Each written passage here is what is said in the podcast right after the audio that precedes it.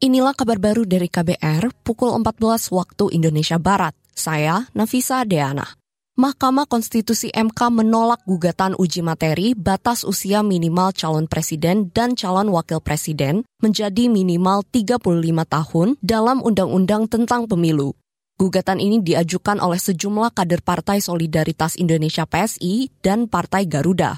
Ketua MK Anwar Usman mengatakan, Mahkamah tidak berwenang mengubah batas usia minimal capres dan cawapres sebab menjadi ranah pembentukan undang-undang. Pokok permohonan pemohon tidak beralasan hukum untuk seluruhnya. Berdasarkan Undang-Undang Dasar Negara Republik Indonesia tahun 1945 dan seterusnya, amar putusan mengadili menolak permohonan pemohon untuk seluruhnya. Ketua Mahkamah Konstitusi MK Anwar Usman menambahkan, dari sembilan hakim yang memutus perkara, ada perbedaan pendapat atau dissenting opinion dari dua hakim konstitusi, yaitu Soehartoyo dan M. Guntur Hamzah.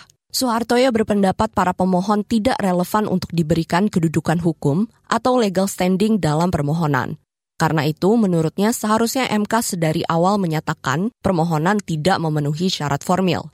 Sementara Guntur berpendapat, permohonan para pemohon dapat dikabulkan sebagian. Kita ke berita lain, saudara.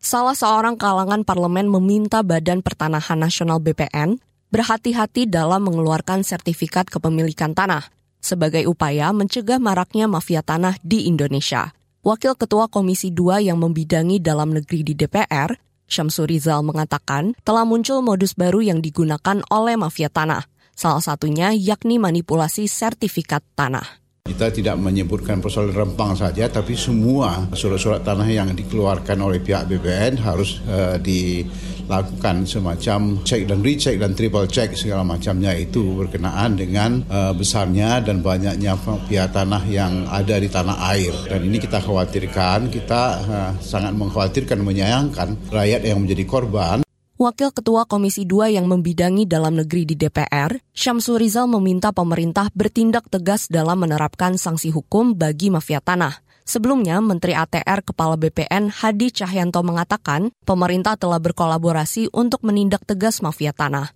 termasuk mafia yang melibatkan aparat pemerintahan, baik polisi, jaksa, maupun hakim. Kita ke informasi selanjutnya. Direktur Pelayanan Pelaporan dan Pengaduan Masyarakat Dumas Komisi Pemberantasan Korupsi KPK, Tommy Murotomo diperiksa Polda Metro Jaya. Pemeriksaan Tommy dilakukan dalam kapasitasnya sebagai saksi dalam kasus dugaan pemerasan oleh pimpinan KPK terhadap ex-Menteri Pertanian, Syahrul Yasin Limpo. Direktur Reserse Kriminal Khusus Polda Metro Jaya Ade Safri Simanjuntak mengatakan, pemeriksaan hari ini merupakan pemanggilan ulang pada penjadwalan Kamis pekan lalu. Ia belum merinci materi yang didalami penyidik dari saksi.